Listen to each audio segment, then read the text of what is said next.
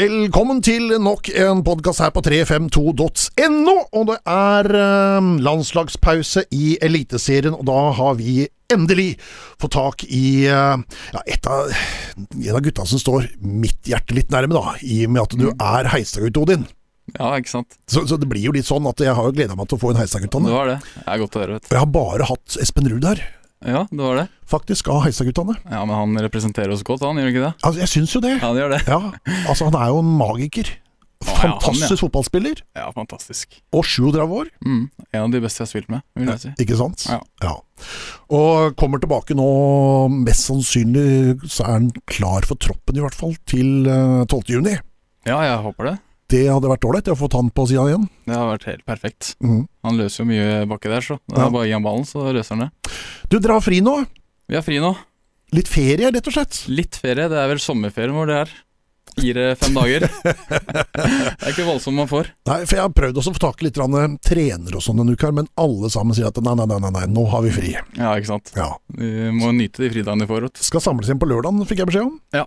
Trening på lørdag. Trening på lørdag. Mm. Ja. Hva har du brukt ferien på? Uff, nei, det er ikke mye. Jeg var jo en tur i Oslo og besøkte venner og familie. Og så var jeg en tur på hytta Ja. her i går, var det vel. Mhm. En liten tur aleine, faktisk, for å koble litt av. Hva gjør du da når du kobler av? Hva- Jeg dra- jeg var på hytta, da. Gikk en liten tur på fjellet der. Og så er det jo bare slappe av litt aleine i sofaen, og så har vi jo så heldig at vi har jacuzzi da på hytta her òg, så det ble tilbrakt eh, noen timer der. Det er Fikk såpass, ja. svømmehud der, for å si det sånn. Deilig, da. Ja, Var det kaldt, eller var det varmt oppi Var det- var det Rauland, var det? I Rauland, ja. Rauland? Ja, Nei, det var fint der. Fint. Fikk solt meg litt, men eh, samtidig trengte jeg ikke å gå rundt i baris heller. Nei. Det var greit. Det var greit. Ja. Det var helt perfekt. Og det er jo sånn at man fortjente vel kanskje litt fri også, nå, da, etter den fantastiske prestasjonen mot Bodø-Glimt. Ja, det, vi kunne jo ikke fått en sånn prestasjon på bedre tid, egentlig, enn eh, før vi fikk fri. Det er jo litt kjedelig å gå rundt i friperioden med en følelse av tap, i hvert fall. Og nå har vi heller en eh, seier mot eh, Norges beste lag Mhm. her nå. Som har altså da ett tap på siste Hva blir det for noe? 40 kamper, eller Ja, det var 45, eller Et år, eller? Ja. Hvordan, hvordan var det å ta den skalpen der? Nei, det var så deilig. Jeg tror ikke jeg har ikke ord for det, egentlig. Det er, eh, fotball er litt sånn himmel og helvete, og det merker du godt når du vinner mot uh, Bodø-Glimt. Kampen etter du taper mot Lillestrøm. Så det går, det går så fort opp og ned, men det er jo det som er gøy, da. Hvordan var det å stå i den krigen her? For det, for det blei en krig for dere, den kampen. Ja, det blei en krig. Vi fikk mye trøkk på oss eh, gjennom hele kampen, mest andre omgang selvfølgelig. Og det blir jo litt sånn da, når vi leder og de pusher på. Så det blir jo Man kan si litt panisk iblant for å bare få den ballen unna, og så prøve å etablere et spill, men eh, som sagt, du møter jo Norges beste lag, da. Så det er ikke bare bare heller. Eh, Og I fjor så fikk vi også grisebank to ganger Vi gjorde det. av det laget, både hjemme og borte. Mm. Eh, hjemme med ti mann bare, selvfølgelig, for eh, mannen vi prata med, sa Espen Ruud, fikk et eh, veldig tidlig rødt kort. Ja, den kampen husker jeg. Ja. Og Bjørn Mæland inn som høyrebekk der, og Mm. det blei litt kaos. Ja, det, men det tror jeg nok alle skjønner etter den eh, fjorårssesongen de hadde òg. Mm. Å komme én mann under der etter jeg husker ikke hvor mange minutter det var, Jeg tror det var ja, noe sånt noe. da, og så ligger du under eh, 2-0 allerede òg. Da blir det tungt, vet du. Du må jo prøve å score òg, da, vet du. Mm. Så da blir det åpent bak der. Og så 6-1 på Aspmyra. Ja. Den er vond. Den er så vond. Ja. Jeg, jeg tror ikke du aner åssen følelse vi sitter med etter en sånn kamp. Du føler deg bare helt ubrukelig. At du, du burde ikke ha noe å gjøre på den banen der. Og da, nei, da var jeg så langt nede. Jeg har ikke, jeg har ikke lyst til å minne meg på det, egentlig. Nei. Vi må snakke om noe annet. Vi prater om 1-0-seieren Ja, eh, heller som det. var på søndag. For det, altså, det var jo eh, mye riktig eh, som skjedde for Odd, spesielt i første omgang. Mm. Eh, skaper en del, eh, får til litt skudd, eh, skudd utenifra. Ja, vi gjør det. Eh, og så tror jeg kanskje at Sonder Svendsen hadde litt godt av å få den skåringa. At det var han som fikk den, faktisk. ja, det tror jeg er godt for oss òg, som lag, egentlig. Å få kanter som scorer òg, ikke bare spiss og mors, da, for å si det sånn. Det, vi må ha flere som eh, kjemper om en slags toppskårertittel i Odd. Mm. Så det tror jeg var veldig bra for laget òg. Før den kampen der, sånn, hva- hva, hva prater dere om? Hva, hva er fokuset når dere går ut der? Fokuset det, vi, vi vet jo hvor gode vi kan være, ikke sant? Og fokuset vårt var at vi skal spille vårt eget spill. Og så har vi jo selvfølgelig Vi ser jo på Bodø-Glimt, og vi ser at eh, de mangler noen elementer som de hadde i fjor. De mista tre på topp der, og det laget her er det muligheter mot. Ja, altså, de tre på topp var jo 60 mål, det. Ja, ikke sant? Det, det sier jo mye, Ja. men eh, vi vet at vi er gode nok til å spille bra fotball mot et sånt lag. Mm. Og jeg følte vi viste mye i, i hvert fall første omgang. Der kom vi til mye muligheter, og hvis du ser på spillet før, så ser du at vi spiller Vi spiller av det høye presset, spiller dem lave, og så kommer det en skuddmulighet, ikke sant? Og Så det er godt å få vist at eh, vi har mye inne, egentlig. Men det er jo noen taktiske grep da, som, som trenerteamet gjør her før denne kampen. Altså, Mm. øh, Konrad Wallem inn på høyre kant Mm. skal ta ut Bjørkan, Ja. og gjør det også. Ja. Det er én gang som han slipper Bjørkan, øh, og det er den eneste muligheten Bjørkan har i hele kampen. Mm. Ja, Det er, det er, det er bevisst gjort av dere, altså, det ble ble Ja, pratet ja. om før. ja. Ja, det er bevisst gjort. Altså, Bjørkan har jo vært helt enorm i år. Og jeg kjenner han jo godt også fra landslaget, og jeg vet eh, Altså, han skaper ubalanse uansett hva han gjør, ikke sant, fra en venstre back-posisjon. Og så tar du det vekk fra det Bodø-Glimt-laget, så er det ikke mange baki der som kan gjøre så mye framover. Ikke for å være frekk her, men eh, jeg Nei, tror men det er jo- ikke- jeg det er jo tror ikke- sant. Ja, det er jo sant. Så det var jo selvfølgelig bevisst, og det hjalp oss veldig. Og vi vet jo Konrad er jo helt maskin. Han løper jo opp den sida der, eh, kan gjøre det sikkert i to dager hvis han vil. Så det var jo et eh, grep som var viktig for oss i den matchen her. Eh, et annet grep som ble gjort, var eh, Filip Jørgensen. Mm. Som hele tida faller ned og nesten blir en tredje stopper. eh, som gjør at dere kan ligge breiere som stoppere. Stemmer. Og egentlig ødelegger de fleste romma som Bodø-Glimt pleier å komme i. Mm. Det er jo der de har vært gode. Og når vi tar ut de romma helt fra starten av, så da skiter de med å finne på noe annet, ikke sant. Så, så du så jo hvor mye Philip fikk renska unna der også, ved at han var der nede. Og da ble det vanskelig for Bodø-Glimt. Jeg vet ikke om de, de hadde vel én sjanse på mål, tror jeg. Mm. Det er ikke ofte de går ut av kampen med én sjanse, tror jeg. Men Filip var god på søndag. Philip var jævlig god. Ja, han var det. Nå- Nå banna jeg òg, men Ja, det er lov. eh, Ja, det er lov, ja. I- det- ja, ja, ja, er du gæren? Ja, da- Dæven, da. Her er det lov. Ja, Dette nei, er, Philip, han- dette er bare en podkast, dette. Ja, det var på Ja, ja, ja. Det er ikke TV der. Nei, nei, nei. nei, Nei, nei, nei. men Philip han er helt enorm. Altså, jeg, jeg har ikke ord for den gutten der. Altså Vi er på trening, ikke sant, og så slår vi litt langpasninger, og så er det noen ganger han kan treffe litt feil på ballen og litt sånn, men i kamp og i trening så det, er, det ser bare helt naturlig ut. Det ser ikke ut som han prøver engang. Og jeg- Nei, jeg vet ikke hva jeg skal si. Altså, han er helt enorm. Og det er et fotballhode jeg ikke har sett maken til. Det er han og Tommy, tror jeg. Ja, ikke sant? Fordi at du ser det på måten han er på ute på banen også, og han beveger Mm. hodet hele tida. Mm. At han vet hvor alle er til enhver tid. Ja, ja, han, gjør Han det. har full oversikt. han har full oversikt. Ja. Jeg er sikker på at han vet at han er der nå. Ja, ikke sant?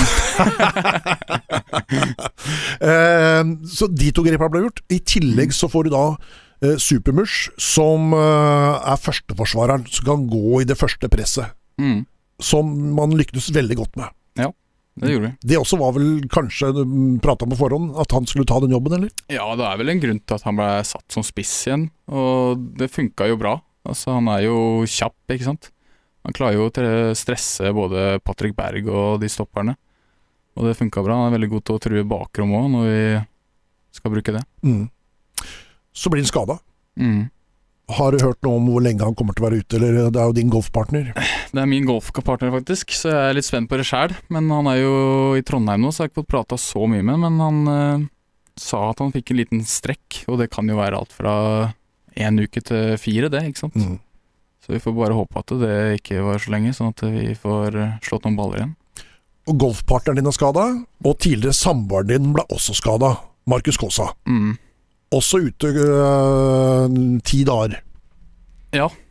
Det er jo klart at det har vært en eh, Vi har hatt litt uflaks med skader i Odd. Det føler jeg egentlig vi har hatt eh, i alle år, men du må jo egentlig regne litt med det da, i fotball. Så har vi heldigvis folk på benken som er klare til å bidra. Ja, Ja, men, men det er klart at eh, det er jo, begynner jo å tynnes nå, når det er Mm. såpass mye skader som det er. Ja, det gjør jo det.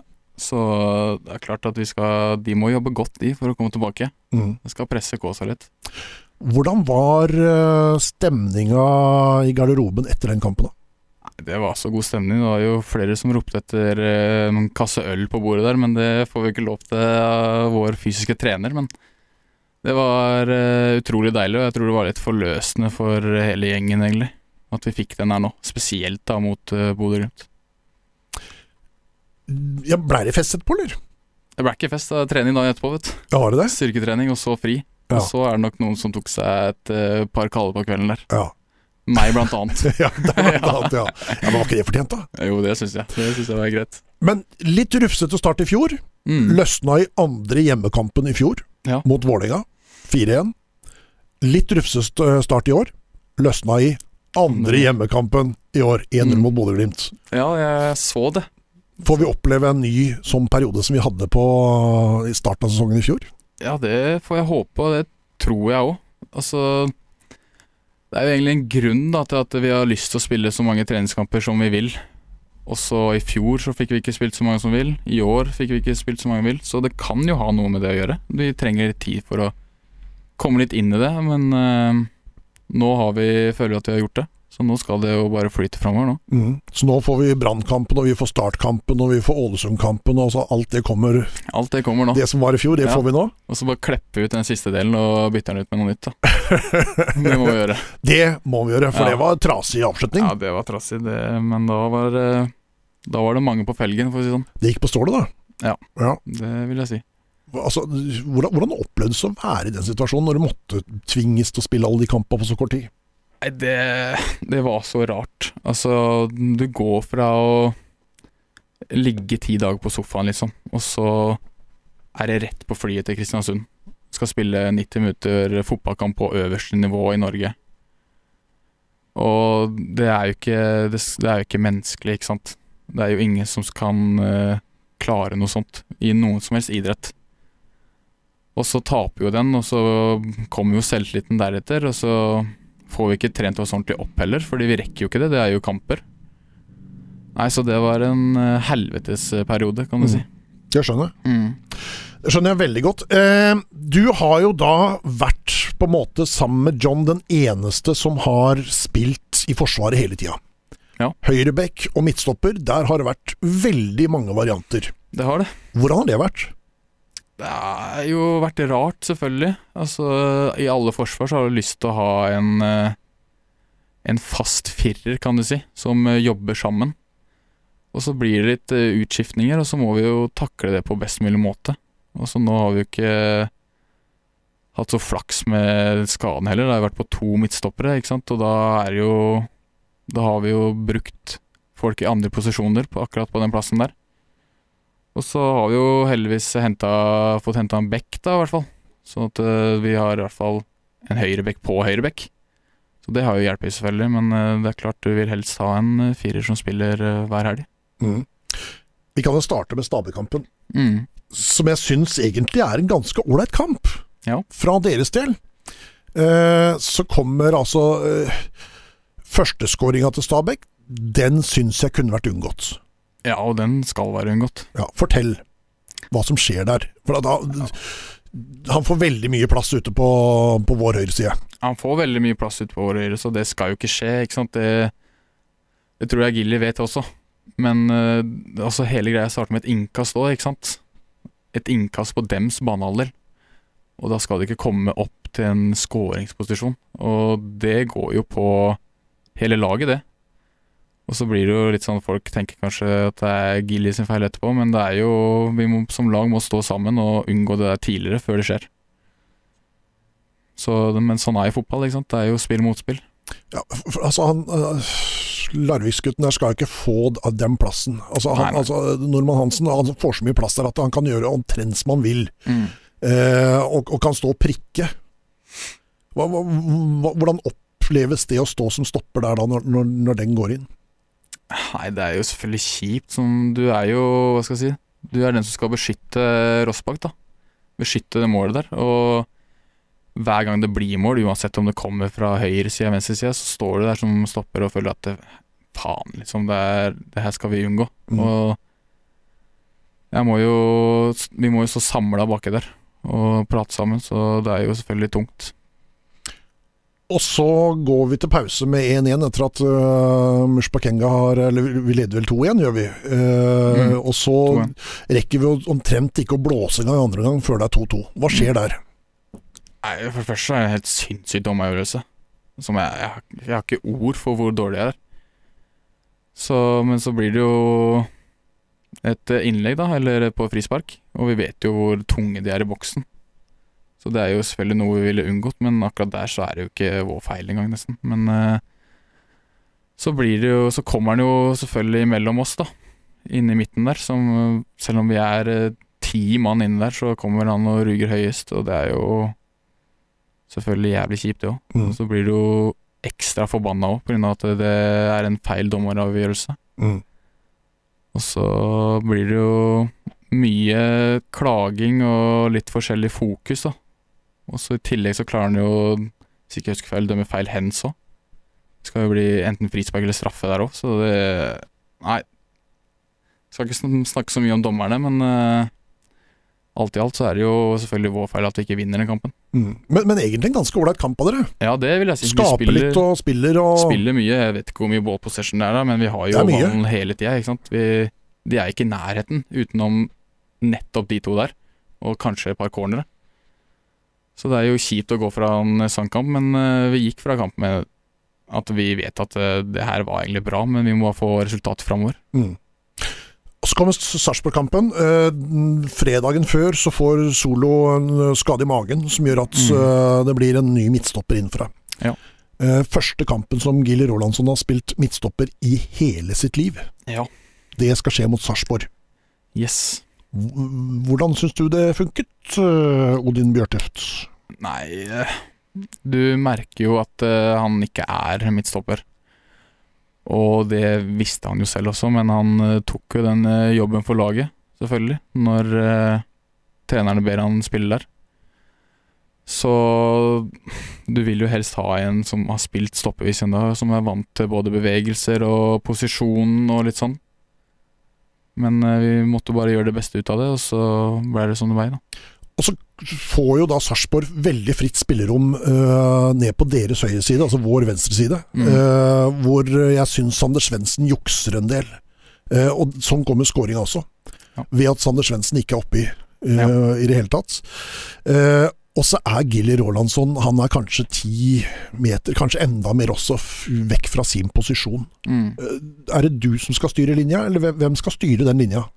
Nei, det er jo klart eh, jeg som skal styre den linja der. Altså, jeg er jo den som har eh, Selv om jeg ikke har så mye erfaring, så er jeg faktisk den som har mest erfaring i den der eh, fireren bak der. Akkurat den kampen der.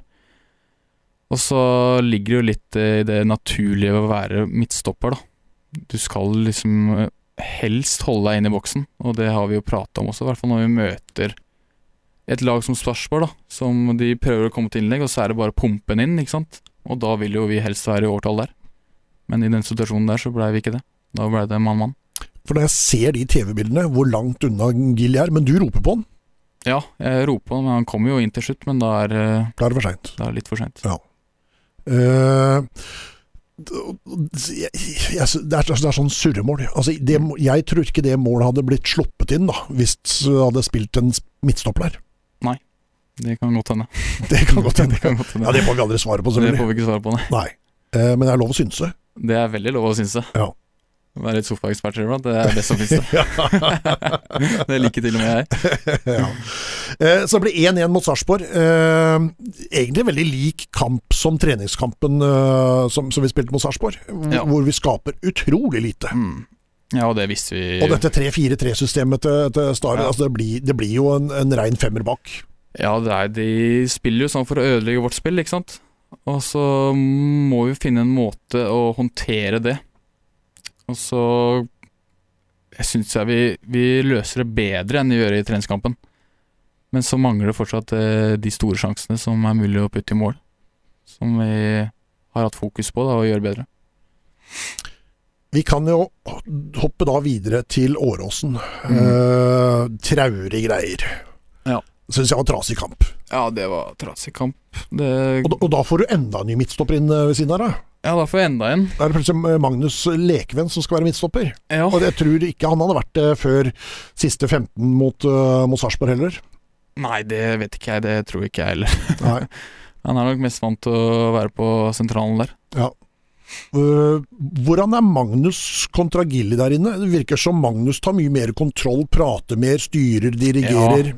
Magnus han er jo en rutinert herremann, han, så han tar jo selvfølgelig litt styring. Han er kaptein. Så han prater jo og en fin spiller å ha baki der, når, i hvert fall når vi skal ha så mye ball da, som vi har også. Men så igjen, da, så man blir jo liksom utfordra defensivt da, når man har en stopper som ikke er helt stopper. Men sånn eh, blir det. For på skåringa så blir du liggende aleine inne med Lene Olsen. Ja. Magnus Lekven er på utsida av 16-meteren og blir pressa ut dit. Mm. Det eh, Steffen Hagen hadde aldri vært der ute. Nei. det kan du Det, godt er, si. det er det. litt sånn defensiv midtbanespillertanker, tenker jeg, som har slått inn i huet til Magnus akkurat der. At det er det presset der, det må jeg ta. Jeg må ut der og så støte på den ballføreren. Ja, det kan godt hende, det, men altså Hvis han går ut, så må vi ha en som faller ned, i hvert fall. Men eh, det beste er jo selvfølgelig å holde stopperne inne. Mm. Det er det ikke tvil om. Ja, for det er sånn jeg lærte når jeg var sånn 14 år. Ja. Ja, jeg, ja. ikke sant? At eh, når, når de har ballen og driver og er i angrep, så Mm. bør midtstopperne holde seg eh, foran målet sitt. Ja, det er jo der vi skal eh, Hva skal jeg si, renske unna. Ja. Og helst være i overtall mot eh, deres angripere. For å ha mest mulig sjanse, i hvert fall, til å få bli kvitt den ballen. Og så har jeg lest i en av fylkesavisene at de prøver å gi deg skylda for eh, det målet. Det, fri- det, det fritar jeg eh, herved, for at det, det, du kan ikke ha full kontroll på mannen din og eh, Magnus sin mann i tillegg. Du kan ikke ha to mann. Nei, det er jo vanskelig, det. Men det er klart, du kan jo Man kan jo alltid se i ettertid at man kunne gjort litt ting annerledes og vært eh, ti centimeter til venstre og litt sånn, ikke sant, men det blir eh, Det er vanskelig utpå der. Og det blir liksom skikkelig terping som nesten er umulig i fotball. Altså det Fotball er fritt, ikke sant. Du vet jo aldri hvor den ballen havner. Du vet aldri om den kommer foran, bak, til sida, ikke sant. Så Men i den situasjonen hvor Lene Olsen får gå opp Mm. uh, på det han er aller best på, Ja. eh, så får han lov til å stå der og heade inn den. Ja. Eh, hadde det vært en stopper ved siden av det der, sånn, så hadde den blitt renska unna. Ja, det hadde den. Så da er vi jo to mot én, så da hadde den blitt én sekund, da. Det er jeg nok ikke tvil om. Så surremål igjen. Det vil jeg nesten si. Og, og da, da, da- da, da mener jeg at det har- det har altså tre av fire mål som har kommet, så Mm. har vært, eh, vært surremål imot i år. Ja. Frustrerende, eller? Ja, om det er frustrerende, det er eh, helt klart. Jeg vil jo helst holde det rent bak der. Mm. Og så går jo selvfølgelig skylda havner bak hos oss. Men jeg regner med at det har vært eh, Etter en fotballkamp så setter dere s- får dere sikkert se noen bilder dagen etter eller et eller annet sånt. Mm. Jeg regner med at det blir tatt opp og prata om disse to spesielt. Disse mm, hvor- hvor stopperne, din stoppermakker ligger feil i to situasjoner to kamper på rad. Ja ja, vi analyserer etter hver kamp, vi, så vi finner eh, hva vi skal bli bedre på, og hva vi skal gjøre bedre til neste gang. Det gjør vi. Hvordan er det for deg som har spilt sammen med Steffen Hagen nær sagt eh, hele ditt eh, voksne liv, og Mm. plutselig skulle være sjefmakter? Nei, det er jo så klart annerledes. Men så har jo jeg heldigvis lært mye av Steffen også, da. Opp igjennom. Men eh, det er klart at jeg har vært vant til å spille med Steffen som tar styring hele tida gjennom hele kampen. ikke sant? Jeg slipper jo nesten ikke til bak der, ikke sant. Så det er jo en stor forandring for min del. Men en bra forandring for min del, ikke for hans. Men eh, det er jo sånn jeg utvikler meg. Og det tror jeg er bare bra for meg. Ja, hvordan, hvordan syns du eh, du har takla ansvaret, altså, hvis du skal analysere deg sjøl litt? Nei, jeg syns jeg har takla det greit. Jeg, selvfølgelig jeg kan jo gjort det bedre. Jeg prøver å ta styring bak der. Og jeg prøver jo å bli bedre på det hver trening, hver kamp. Og jeg føler jeg tar steg i hver trening, hver kamp, så det blir jo bare bedre og bedre. Men eh, det er klart, eh, sett i ettertid så kunne man alltid gjort eh, ting bedre. Men det kan man si om alt, ikke sant. Jeg er perfeksjonist. Ja. Ehm, du har hatt mye ball.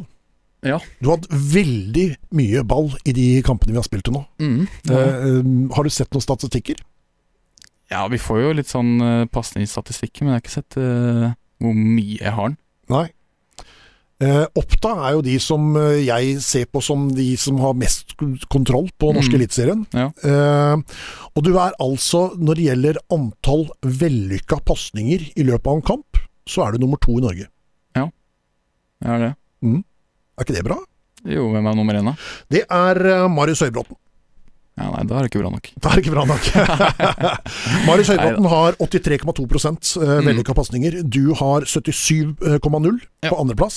På tredjeplass er eh, Jonathan Tollås Nation med 75,2. Mm. Det er, Nei. det er de tre som er eh, særdeles sett best i Norge på akkurat det der. Men eh, jeg syns det skal sies at jeg prøver litt mer enn de to. Mm. I- Og så har du mm, Uten å være kritisk til dem, så Mm. har du kanskje altså Når du spiller Det er lett også å få høy pasningskvalitet når du spiller sidelengs. Mm. eh, Bekk, eh, neste stopper, bekk, neste stopper. Altså den biten der opp, Ja. til, eh, opp til ankeret. Men du har, de du har bomma på, er kanskje de som eh, du har prøvd å stikke. Det er Der, der har du vært litt for upresis i år. Ja, det er akkurat det. Men eh, jeg er jo ikke akkurat Jeg prøver mye. Mm. Og om jeg må bomme på ti for å treffe på én, så gjør jeg det. Mm. Og det er litt sånn spillestilen jeg har, og det er den spillestilen jeg har fått lov til å få av Nordnes. Jeg får lov til å komme fram der og prøve å finne pasninger som kan skape sjanser. Og det er det jeg liker å gjøre. Og så det er Jo, men det ligger vel litt i DNA-et ditt som midtbanespiller. Ja, eh, det både, er akkurat det. Ja. Jeg ser på meg selv som en litt kreativ som kan se etter de pasningene. Og jeg har jo funnet mors ved et par anledninger i år, men har ikke helt eh, fått satt den ennå, noe han skylder meg litt penger for. Men eh, nei, jeg satser på at det blir flere av de framover. Mm. Ja, og, og det er jo det man, ut- der man utvikler spillet sitt, vel, hvor hvor Mm. så tørre å, å gjøre det som du gjør der. Ja, det er jeg helt bevisst på, at eh, det er sånn jeg blir bedre. Jeg blir ikke bedre av å slå til sida til bekken min hver eneste gang. Eh, så jeg kommer fortsatt til å prøve på det om jeg, selv om jeg bommer. Mm. Det gjør jeg. Og det er nok litt den friheten jeg har fått av Nordnes òg, det må jeg si. Liksom vi kan ha i en kampplan at jeg faktisk kommer opp der og leiter, istedenfor uh, under Fagermo f.eks., der jeg skulle trekke på Shottebekk, sånn som Tollås holder på med nå. Ikke sant? Ikke for å Nå fyrer jeg mye her, merker jeg. Ja, det er deilig. Jeg må være litt rolig Det igjen. er deilig. da. Ja, det er deilig. Ja, fantastisk. eh, ja, for vi kan jo ta det med en gang. Altså, eh, du var jo midtbanespiller. Mm. Eh, når jeg skulle hente deg opp på A-laget til Hei, så var du midtbanespiller. Det gikk gjetord på Heistad. Ja. om en 98-er som, eh, som var god nok fysisk til å også være med på A-lagstreninger. Mm. Eh, og så blei jo aldri det nå, for du gikk til Eidanger, men, eh, Ja. så det skjærte seg jo. Ja. Eh, men, men på junior elite også? Midt, eh, midtbane. Mm. Både indreløper og sentral. Spilte litt andredivisjon nå. Midtbane indreløper. Så jeg har jo noen år bak meg som eh, midtbane. Når Tommy Svindal Larsen kommer til deg og sier Mm. det at eh, Hør her, Odin. Vi skal ikke prøve å være midtstopper, da? Ja. Hvor- Hvordan takla du det da? Nei, jeg har hørt mye, det har gått mye historier om akkurat det der. Ehm, jeg kjørte nok et lite opprør, sånn jeg husker det sist.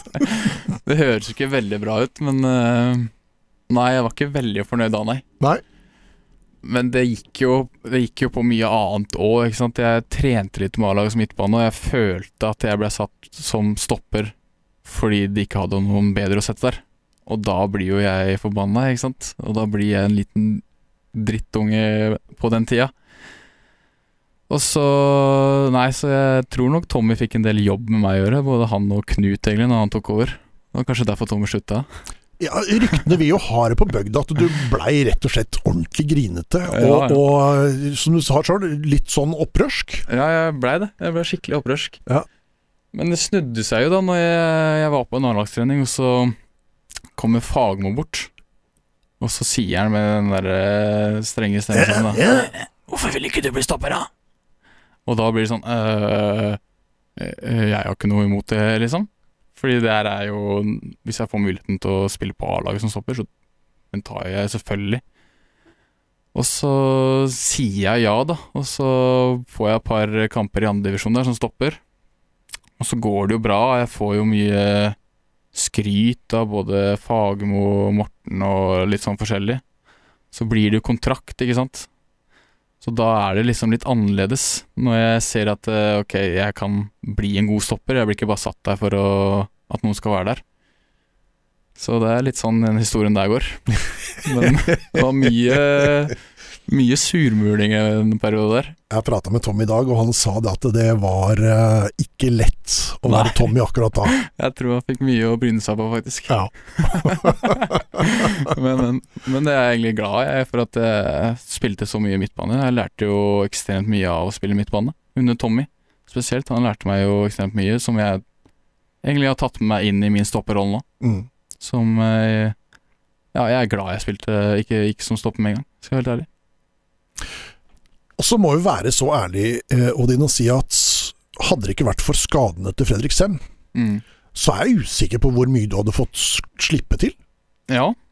Nei, det er jo litt sånn fotball det er jo, Du skal jo ha flaks da for å komme til. Ikke sant? Eh, Fotball er mye flaks også. Men eh, det er klart at eh, det har jo hjulpet meg, holdt jeg på å si. Det ga meg eh, muligheten som stopper. At han ble skada. Og den tok jeg. Mm. Og så hadde du et sånn litt sånn internoppgjør nesten med Vegard Bergan om hvem som skulle være trestopper. Mm. Altså Det var en ordentlig kamp mellom dere to. Ja, det var en kamp. To Heistad-gutter. To heisa-gutter. Hvordan opplevdes det? Det opplevdes som at vi pusha hverandre på hver trening. Vi visste jo at eh, om noe skjer, så er det det er enten meg eller så er det deg. Så det ble en kamp, og så tok jeg det lengste strået, da, kan du si. Mm. Det gjorde jo det. Mm. Du debuterer altså i Eliteserien eh, tidlig i våren 2019. Ja. Husker du kampen? Sarpsborg spiss, eller? Sarpsborg spiss. Ja, Jeg spilte spiss, ja. Ja. Stemmer det. Det er helt riktig. Ja, Eh, en svenske som, du ble, eh, som spilte på topp, som du ble bytta ut med. stemmer det. Ja. Broberg. Ja. ja, den husker jeg faktisk. Det var Martin Broberg. Ja. Eh, før den kampen så var det altså Den gangen så jo- jobba jeg i J. Eh, Og da var det først så var det eh, fire stykker som kom innom og sier at du, vi må nødt til å ha 18 Bjørtuft-drakter. Ja, men det skal ordnes, sier jeg. Mm. De kjøpte det. Og så kom det en ny familie på fire inn. Du, ja, vi må ha drakter også! Så ble det fire nye med 18 Bjørtuft. Og så Ja. kom det to til som skulle ha 18 Bjørtuft. Så al- altså, vi endte opp med å selge 12 Bjørtuft-drakter den, eh, foran den kampen der, sånn. ja, det var såpass, ja. Så det, jeg tror du hadde massiv støtte på tribunen den kampen. ja. der. Det virker sånn. Ja. Du visste ikke om det sjøl? Nei, jeg visste ikke at det var tolv drakter som ble solgt, men Det var eh, helt ellevilt. det var såpass. Ja. Det er gøy. Så jeg tror de kom fra nær og fjern, eh, nær sagt. Ja, det gjør det helt sikkert. Det kom sikkert hele Rjukan. Det er jo tolv stykker, det. Så, så jeg har aldri, aldri solgt, eh, solgt mer enn noen gang. Eh, tj- 23. april, det er tre år siden. Eh, du er ganske annerledes nå, Odin, på banen enn Mm. hva du var i 2019. Du, Ja. har, du har tatt ganske store steg her. Ja. Hvordan har, Ja. hvordan har du opplevd reisa sjøl? Nei, jeg har opplevd den som fin. Altså Jeg har vært i Odd, og det har vært en eh, trygghet hele veien, ikke sant. Jeg har kompiser her, og vi har så bra miljø i den Odd-garderoben at eh, jeg tror alle føler seg trygge når de får muligheten. Alle backer hverandre.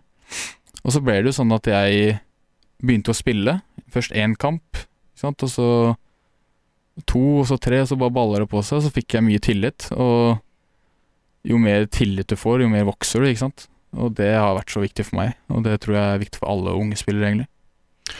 For, for det at de- de største stega, de så jeg faktisk da i 2020. Mm. Eh, litt sånn usikker, litt sånn famlende stopperspill i tre første kampene, kanskje. Mm. Og så plutselig så vokser Odin Bjørtuft til den han er i dag. Ja. Altså, hva, hva skjedde for noe der? Er det kun snakk om sjøltillit? Ja, fotball, det er, det er selvtillit. Altså, eh, det har så mye å si. Og så når du blir kasta ut i det, liksom, så er det litt sånn OK, klarer jeg det her? Er jeg på nivået? Og så ser du at eh, det nivået her, det tar jeg jo. Nå er det jo bare å gå over det igjen, og prøve å bli enda bedre enn det igjen. Og så gjør du det, du blir bare mer og mer eh, selvsikker på deg selv, og at det her blir ikke noe problem. Og du går inn i kampene med en tro på at du kommer til å gjøre en bra match hver eneste gang. Og da, da blir det jo bra, da. Eh, da blir det bra, da. Mm. Eh, eh, men, men det også blei jo litt sånn, i, i og med at Fredrik eh, fikk den skaden han fikk der, sånn, Mm. så følte du deg klar? Ja, jeg følte meg klar. Det er jeg ganske sikker på at jeg gjorde, i hvert fall. Ja, eh, ganske sikker på. Ja. Eh, hva mener du da? Nei, det er jo en stund siden, da. Ja. Men jeg, jeg mener at jeg følte meg klar, og jeg var ikke Klart du er litt sånn spent og sånn i første kampene, men når du først eh, fløyta går der, så er det det siste du tenker på, at du er nervøs, egentlig. Mm. Da skal du bare spille fotball. Mm. ja, for nå har du spilt 50 eliteseriekamper. Ja, det har blitt 50. Det ble kamp nummer 50 mot uh, Bodø-Glimt, Det blei det? faktisk. Ja. Så nå er det oppe i 55 kamper totalt, Mhm. med fem eh, cupkamper der i tillegg. Ja. Så, så da, da, har du, da har du 55 kamper. Og det er jo, altså, Du sier det sjøl, jeg er en av de som er mest rutinerte som spiller bak der sånn. Mm. Og så har du bare spilt 55 kamper. Ja, ikke sant. Det, Det, er- det er ganske sier noe. spesielt. Ja, det er ganske spesielt. Det er ikke noe tvil om, men eh, det blir jo sånn. Det er sånn fotball er. Hvordan var det å bli tatt ut på U21 første gang? Det var gøy. Det var stort, egentlig. Mm. Jeg har jo aldri jeg har aldri vært på noe U-landslag tidligere. Jeg har vært med på noe stat- og talentleir og litt sånt der, men eh, det å bli tatt med på U21-landslaget, det var vel før jeg hadde spilt så mye òg, tror jeg. Mm. Det var gøy, og det var en fin opplevelse. Og så blei det jo bare mer og mer, og Nei, det er gøy å kjenne på nivået der ute også. For det, dette var våren 19, Mm. eh, hvor, hvor du da debuterer for Odd en måneds tid etter at du debuterer for U21. Ja. Eh, og det er jo ikke noe dårlig lag som, som du har vært på dette U21-laget. Der er det mye bra fotballspillere. Ja, det er mye bra fotballspillere der, ja. Hva husker du av debuten din på U21? Nei, debuten min, det var vel uh, helveteskampen, det. Det tror jeg du har rett i. Ja.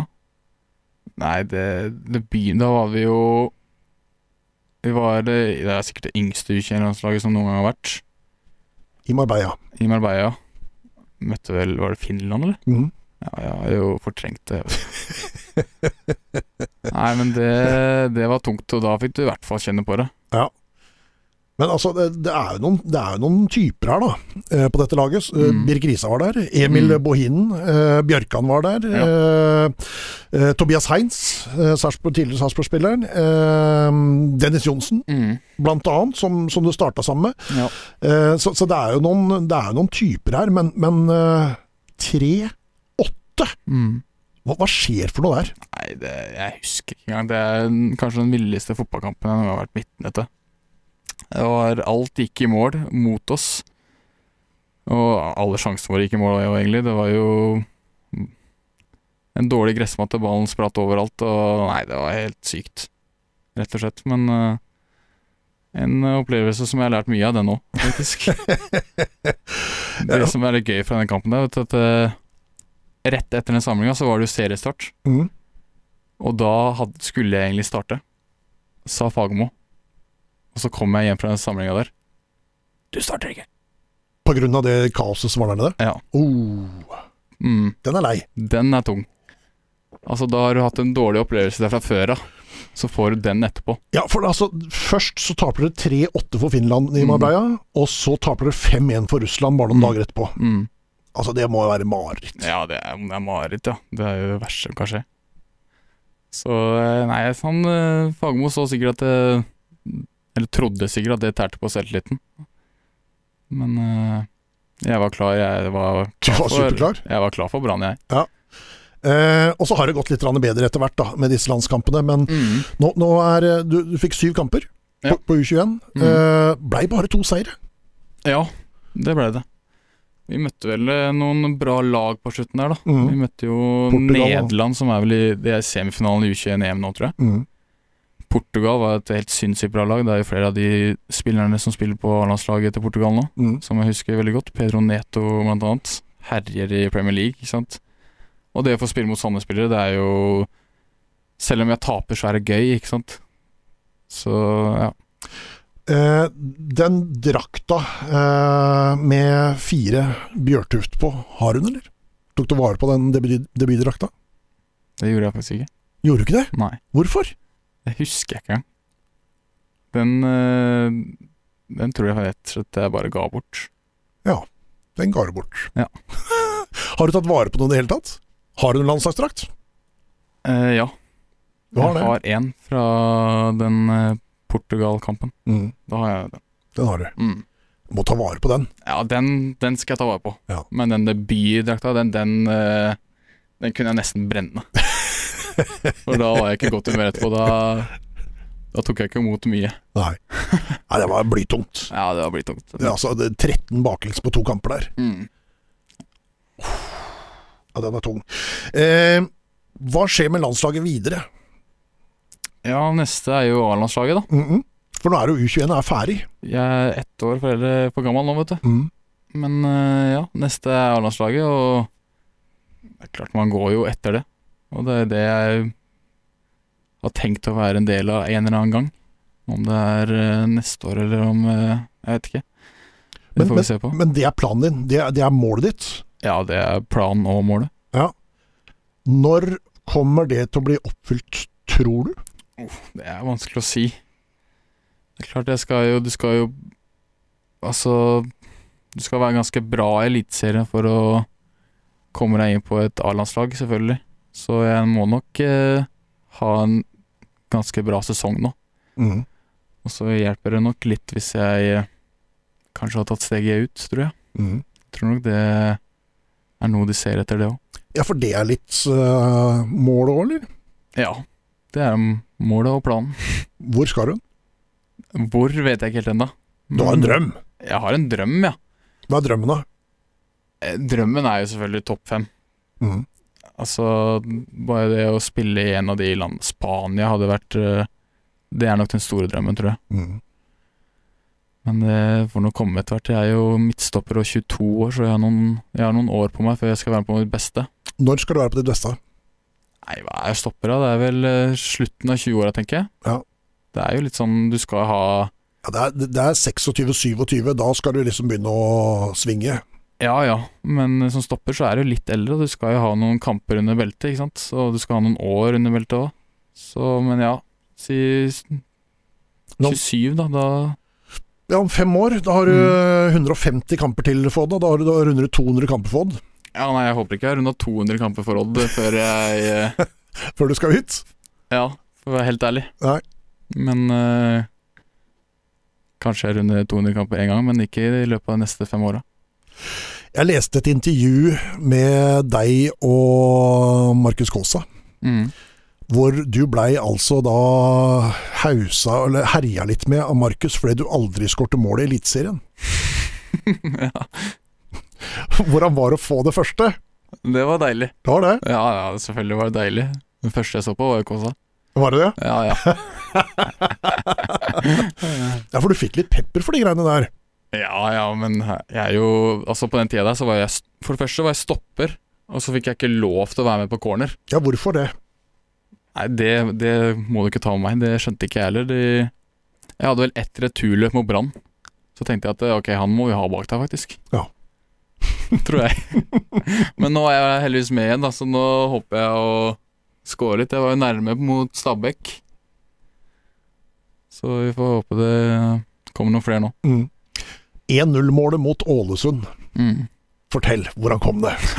Nei, det kom jo på et helt sinnssykt frispark som er køla rett i krysset. Selvfølgelig. Nei da. Eh, Det er et frispark som eh, får en liten dupp på før, og så er det jo en enorm keepertabbe, selvfølgelig. Men sånt skjer jo i fotball. Jeg tar det jeg får, jeg.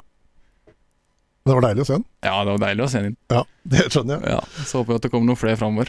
Du er på en måte glansbildet da, på Telemarksmodellen. Mm. Altså, du du er sjølve Telemarksmodellen. Ja. Gått gradene. Eh, først i Hei, Mm. og så et lite gjesteopphold eh, på et år i Eidanger. Yes.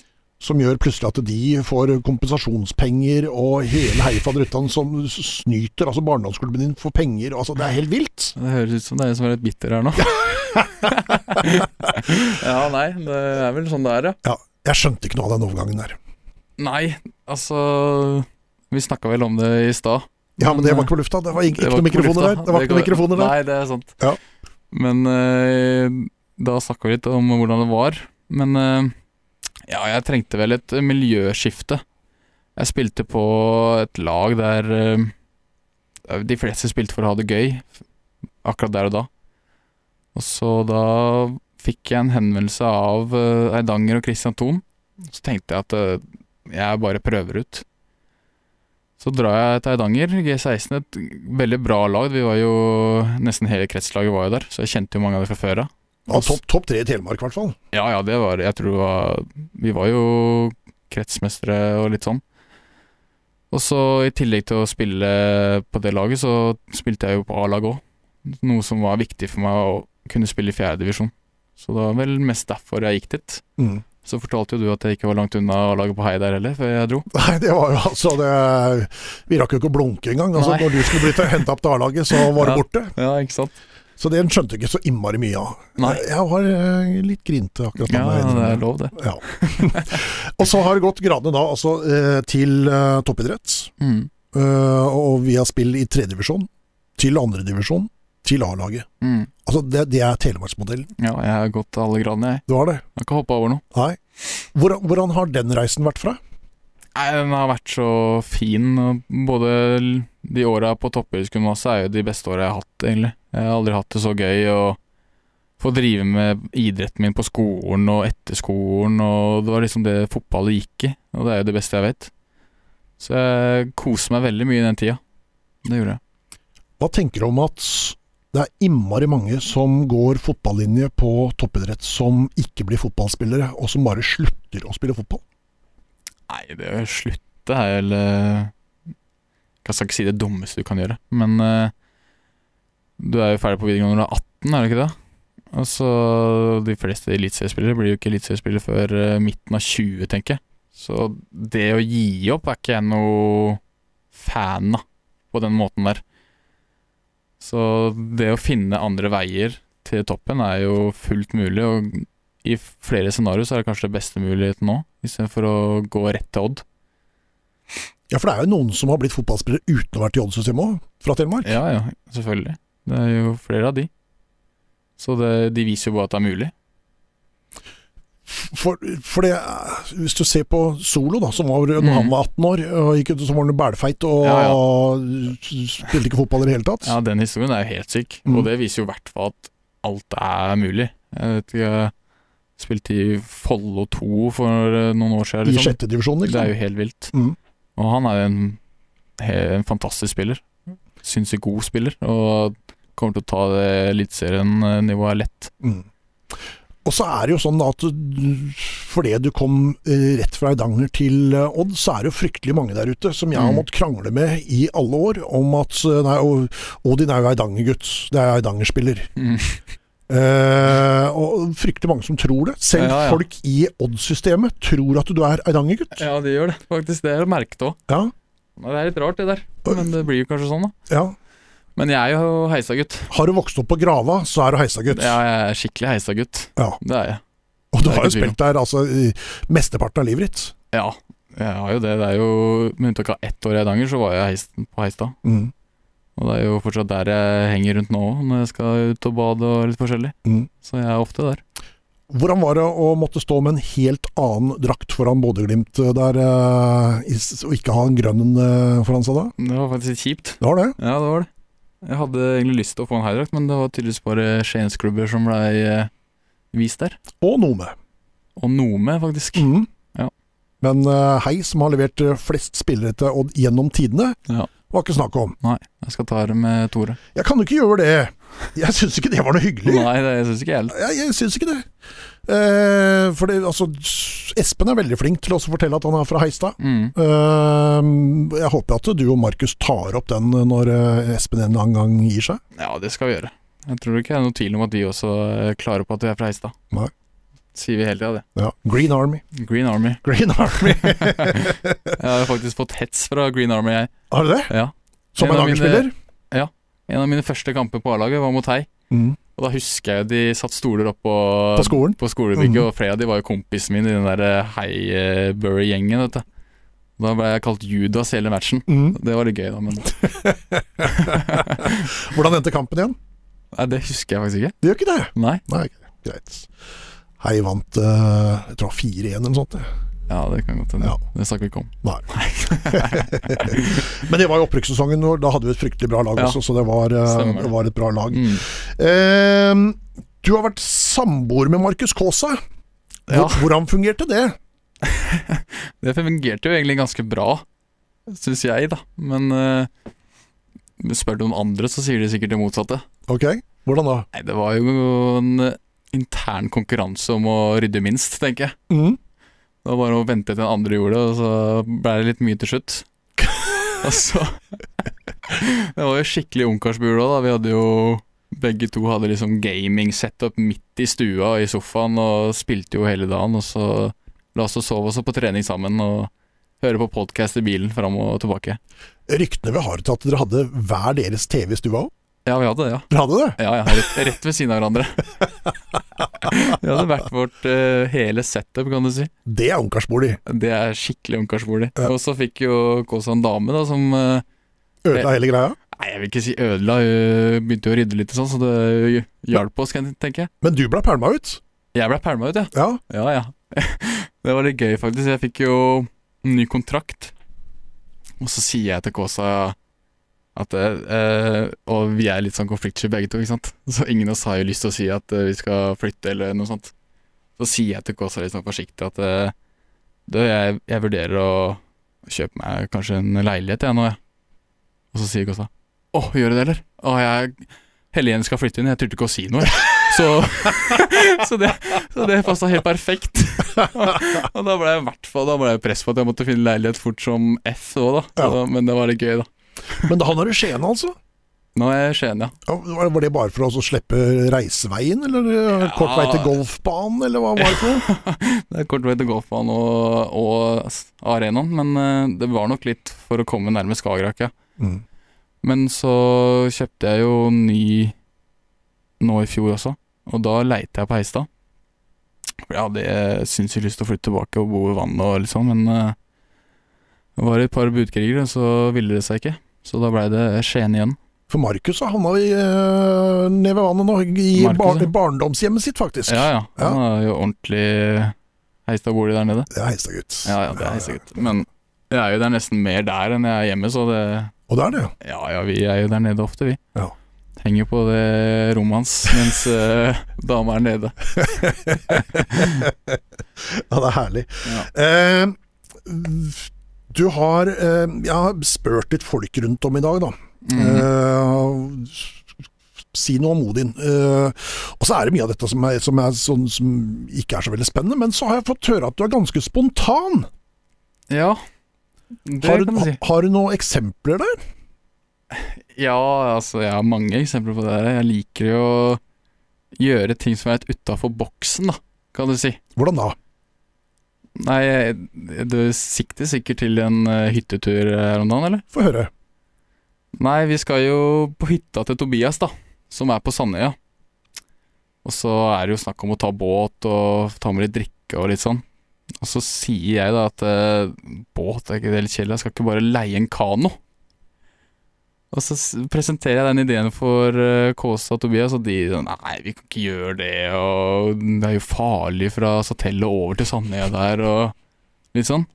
Og så sier jeg «Nei, greit, da. Og så kom jeg på trening dagen etterpå, og så spør jeg to stykker som kanskje er litt mer interessert. Så får jeg med de, så leier jeg en kano på Finn på satellet, bærer den ned til vannet. Så ror vi over til Sandøya til hytta, mens vi knekker et par kalde midt ute på vannet. Og så kjører Tobias og Kåsa med båten rett forbi oss. Og så var det full fest på hytta der, da. Ja.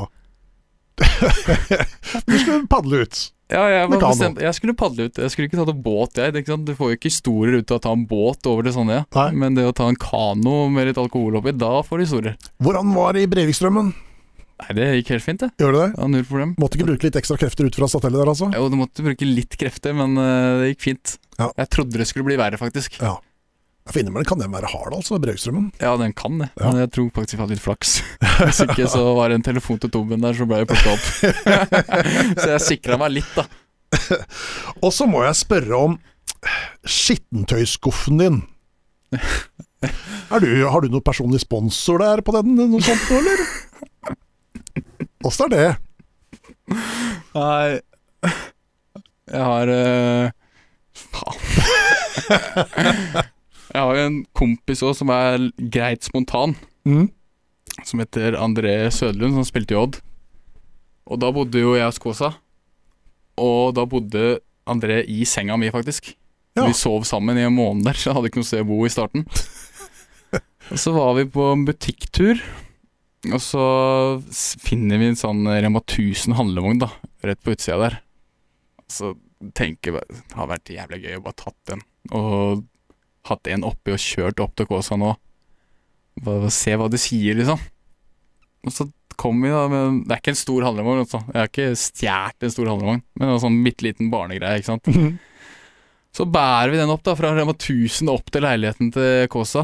Og så kommer vi inn der med André liggende oppå i den mens jeg triller inn i leiligheten. Og de, reaksjonen til Kåsa og Lene Vi tenkte jo at den kommer til å bli, de kommer til å dø av latter. Men den var så dårlig. Det første vi får, er Hva i helvete er det dere driver med? Og skikkelig seriøs og Nei. Men det var en fin historie, da. Ja. Og så endte det jo med at vi egentlig skulle levere den, men eh, det ble en skittentøyskurve, gitt. Den har du ennå, du. Jeg har den. og jeg har sagt til André at den skal jeg spare på òg. Den skal jeg dra opp om ti år. Så sponsa av Rema 1000 Heistad. Ja, det kan du si. Ja, det er herlig. Ja, Fantastisk. ja da. Ehm, mm, fortell om golfen din. Du har Golfen, blitt ja. eh, hekta på golf. Jeg har blitt hekta. Eh, Det blir noen timer der ute, og noen kvelder. Men eh, jeg har ikke blitt sånn kjempegod ennå, men jeg har planen om å bli jævlig god. og så får vi se da hvor eh, langt det går. Ja. Du, jeg pleier alltid når jeg har spillere innom her, så kvisser det litt på slutten. Ja, Eh, før jeg- og så har jeg fått noen Twitter-spørsmål også, vi må innom eh, det også etter hvert. Eh, bare finne fram Twitteren der. Ja. Ehm, du har jo spilt altså da mm, mye i Odd opp igjennom. Mm. Hvilken spiller har du spilt aller flest kamper med? Oi, oi, oi. Eh, Og det, det er to stykker som skiller seg ut, men det er én som du har spilt aller, aller flest kamper sammen med. Ruud? Nei, Ikke Ruud? ikke Ruud. Nei, Rossbakk, selvfølgelig. Nei, nå snakker vi altså om andre- og tredjedivisjon og Å, ja. hele Odd-karriera di. Hele Odd-karrieren. Hele Odd-karriera. Kan det være? Eh, er det Kåsa? Kaasa er en god nummer to, Han er det. men han er allikevel fem kamper bak den du har spilt aller flest kamper sammen med. For du har spilt 67 kamper sammen med Markus Kaasa. Ja. Så er det en som har spilt, du har spilt 72 kamper sammen med. Dæven. John? Nei, Ikke John. ikke John. Er han på A-laget, eller? Ja, ja, ja. ja. Han er på A-laget. Ja, ja, ja. Spilte dere sammen på søndag? Spilte jeg sammen på søndag? Ja, ja, ja, dere spilte sammen på søndag. Josh? Ja, Er det Josh? Josh Kitolano! Dæven. Josh Gaston Kitolano har spilt 72 kamper sammen med, på tre forskjellige lag. Ja, det er ikke verst. Nei. Det visste jeg ikke. Så det er, eh, Mens Markus har bare spilt med på to forskjellige lag. Ja. Eh, 67 kamper. Og Tobias Lauritzen på tredjeplass. Ja, to, ja. eh, 61 kamper som eh, Tobias. ja. Eh, og da kommer det kanskje noe som er enda vanskeligere. Hvem i alle dager har du spilt flest kamper mot? Flest kamper mot Mm. Det er det jeg har, ikke, jeg har ikke peiling. Det er to keepere. Er det to keepere? To keepere. Ja, Vet jeg hvem det er, eller? Ja, jeg vet i hvert fall hvem de er. gjør det. Eh, men det er klart, jeg følger jo ganske mye med. Ehm, Eh, men eh, to keepere. Ene um, har vel aldri spilt i noe eliteserie eller noe sånt nå. Nei. Så da snakker vi mye andredivisjonskamper og sånn, tenker jeg, som har Ja, ja. spilt mot han. Ja. Eh, Er det an- Notodden, da? Fram. Fram. Mm. Kenneth Det, Stenild, dansken. ja, han, han vet jeg faktisk hvem er. Mhm. Ikke at jeg kjenner ham, men han øh, bråka ganske greit. Ja, han har jo spilt eh, seks kamper mot. Jeg har det, ja. Eh, mens Markus Sandberg har eh, spilt Mm. eh, mot eh, eh, fem ganger. eh, Han spilte litt andredivisjon òg. Stabæk. Stemmer. Stabæk, Ja, ja. svensken. Ehm, så det var de to quizene. Og så Ja. kommer eh, Vi kan jo ta det gøye først, da. Eh, hvem har hun aller største seieren mot? Altså hvilket lag? Største seieren du har opplevd? Øhm, um, gjennom alle kamper, liksom? Alle aldre òg, eller? Nei, vi snakker i Odd, da. Ja. Ok, da Altså seniorfotball. Vestfossen. Vestfossen er eh, ikke riktig. Nei. Jeg er Jeg husker et lag For da har du cupkamper som har vært veldig mye, Ja, og så har du noen cupkamper. seriekamper som har vært også ganske heavy. ja, Det er ikke Storm. Nei, Nei, ikke det. Storm er på andreplass. 7-2 over Storm. Jeg, hus jeg syns jeg kan huske at vi vant sånn eh, 12 et eller annet Ja. mot eh, 9-0 mot Skarpedin. 9-0, var det som Scarpenia var det selvfølgelig. Mm. Stemmer det. Det er den største seieren, eh, men den største eliteserieseieren. Start. Ja, eh, delt. eh, Det ble 5-0. eh, Men hadde også en annen stor eh, som ble mye mål på i fjor. Nå, nå føler jeg meg som Tommy, vet du. Han husker jo ingenting. Tommy er naken, så Ja, det må jeg du tenke vet det, på. det- Han er, eh, vet jo ingenting. Jeg kan ikke bli sammenlignet med han, ikke sant? Hvem var det, ja? Vi satt der og hadde et par eh, kalde beger, jeg og Tommy, og så Ja. sitter vi og prater om Tyskland og Dortmund og Eh, sier det må være helt enormt å spille på Dortmund foran den gule veggen. Ja, det er det helt sikkert. Det har vært- sikkert vært moro, sier han. Ja, men s- slutt da, Tommy. Du har jo spilt deg mange kamper. Ja, ja, det har jeg, ja. Jo, det, jo, det er ganske gøy, det, sier han. Det er jo ikke greit, vet du. Det er jo helt enormt. 6-1 er det største du har vunnet i Eliteserien. Ja, hvem var det jeg måtte ta? Mjøndalen. Mjøndalen. Ja. Stemmer, 6-1. stemmer det. 30. august 2020. Ja. Og så kommer noe kjedelig, da. Største tapet du har opplevd. 6-0 Bodø-Glimt. 6-1. 6-1, mener jeg. Eh, delt førsteplass sammen med en kamp vi har pratet om tidligere i dag. Ja. Norge-Finland. Ja, Ja. Norge-Finland i Mm. Ja. Marbella. Eh, 8-3. Eh, Yes. Det er liksom de, de to største du har der. sånn. Ja. Og så har du vært med på å tape 6-1 mot Fram, 6-1 mot Moss, eh, 5-0 mot Raufoss i andre divisjon. Mm. Som er liksom de, de store, tunge Tapa, ja. Ja. Ja. Den, eh, Lærer av de òg, vet du. I Eliteserien, de to største, begge mot Bodø-Glimt. Ja. 4-1, 4-0 og 6-1. Ja. Da er vi ferdig med det. Da er vi fer- Nå kan vi glemme det. Ja. Så det Skal snakke om noe annet. Ja, vi er, vi er ferdig med de vonde tapene mot Bodø-Glimt. Eh, Bodø-Glimt er, eh, de er ferdig. Ja. Så skal vi se ehm, Skal vi finne fram Twitter, og skal vi se om hva som har kommet inn av spørsmål til deg i dag. Jeg vet det har kommet inn noe. ja. Ehm, vi har fått av eh, Erik Ness Onstad. Mm. Eh, hvem er ditt stopperforbilde? Stopp Ja, det er vel eh, Jeg sa det tidligere, det der i hvert fall. Ja. Sergio Ramos. Ja. Det er grunnen til at jeg bytta til f- drakt nummer fire òg nå. Det- du skjønner at det var heller ikke, men da testa vi lyd. Da tester vi Ja. Det er fort gjort. Men eh, da sier jeg Sergio Ramos, Sergio så kan Ramos. vi klappe litt der. Kan Ja. vi ikke det? Nei, nei, vi bør ikke Nei, glemme det. Det går så bra. Nei, men jeg liker han veldig godt. Som stoppertype, og så er han eh, en fin type generelt òg, tror jeg. Tror du Han er det? en litt sånn sterk type, da. Ja. Vet ikke om han er fin, men han er litt sånn eh, Hva sier du? Karismatisk? Er det? Ja. Ja. Og så liker jeg at han eh, tar litt straffe, tar frispark som stopper, og scorer litt sånn. Men jålebukk, vel? Han er jålebukk, ja, men det gjør jeg jo, er det ikke det? Er du det? Nei. Alle som golfer er vel litt Alle- jålebukker? ja, akkurat det. det er sant. Eh, og så spør han videre her eh, eh, Ambisjoner om landslag og utenlandseventyr. Ja, det har vi jo prata litt om, egentlig. Det har vi jo. Ja, det har vi jo egentlig Mm. gjort. Eh, og så er det Ehm, eh, ja, Det heter bare Nilsen. Eh, hvem er den beste spilleren du har spilt med? Espen Ruud. Espen Ruud. Mm. Ja. Det eh, vil jeg si. Jeg har Hvorfor? spilt med mange gode på landslag og sånn, Jens Petter og litt sånn, men eh, Espen Ruud er eh, den beste fotballspilleren jeg har spilt med, egentlig. Hva, hva er det som gjør at Espen er så god, god Ah. fotballspiller? Nei, han er jo så rutinert og har en helt sinnssyk fot. Og et eh, øye for spillet, og han kan slå pasninger som jeg Noen ganger så har jeg, ser jeg ikke at de er der engang, ikke sant, og så løsner det opp alt. Så det er- Han er helt enorm. Jeg liker han. Og nå er han kanskje tilbake allerede mot Ja, det- Mm. KBK eh, når vi snakker lørdag 12. juni. Vi får håpe det. Midt i EM, altså! Mm. Får ikke fulgt med på EM, må se på Odd isteden. Må nok det, da. Ja. Men du tar den, du. Ja, ja, ja. Ja, ja. Eh, Seinere på dagen så går eh, Danmark-Finland. Den skal jeg se. Ja, det Eh, skal så jeg må bare skynde meg hjem fra Mm. jobb den dagen, og så skal jeg se eh, oppgjøret, nord nordiske oppgjøret. Det blir gøy. Hvem tror du vinner, da?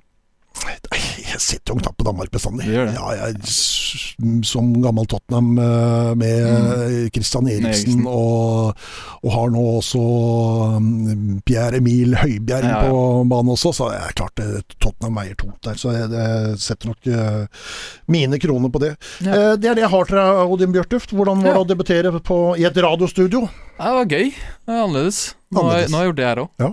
Jeg har hørt jo mye på podkast før jeg kom hit, så jeg øvde meg litt. ikke sant? Å ja, du har jo lest opp, jeg liksom? Ja. hadde jo en, en kjøretur på et par timer der, så jeg fikk jo hørt på et par podkaster da. Hvem hørte du på, forresten? Jeg hører mye på Friminuttet, så har jeg hørt på noen av dine òg, da. Har du det? Eh, Ja, ja, Frode Johnsen, og han er jo legende. Ja, ja. Det er gøy hva han har å si. Frode er legende. Han er legende. Han har hytte rett over meg, faktisk. Var det? Ja. Se det, ja. Så det, ja. Se det, ja. Så da ja, vanker dere, liksom, eller? Nei, nei, det gjør vi ikke, men jeg bare Jeg har sett ham et par ganger der oppe, med barna. Ja. Står på snowboard han fortsatt, vet du. Ja, ja, evig ung. Han er evig ung. Hadde jo vært eh, toppskårer i Odd i fjor hvis han hadde spilt i fjor. Det er ikke tulling, jeg vet du. Han er jo en maskin i boks. Han er det. Odin, eh, en time i gode venners lag, det går styggfort, og nå er det søren meg gjort. Tusen hjertelig takk for at du stilte. Det var gøy. Takk Skal for vi at jeg bare fikk ta komme. litt bilder, eh, sånn at vi har til podkast og Facebook og Twitter og alt som skal Alt mulig. Ja, Skal legges ut. Ja, så tusen takk for at du var med. Neste uke så er vi tilbake igjen. Vi skal eh, ha med oss Jeg tror faktisk det blir to podkaster neste uke. Eh, blir eh, en med en stor Arsenal-fan, og så blir det en med en eh, ja, tidligere Odd-spiller som opplevde å være hjertedød i flere minutter på fotballbanen. Så kan du tenke litt på hvem det kan være, så høre oss neste uke. Takk for i dag!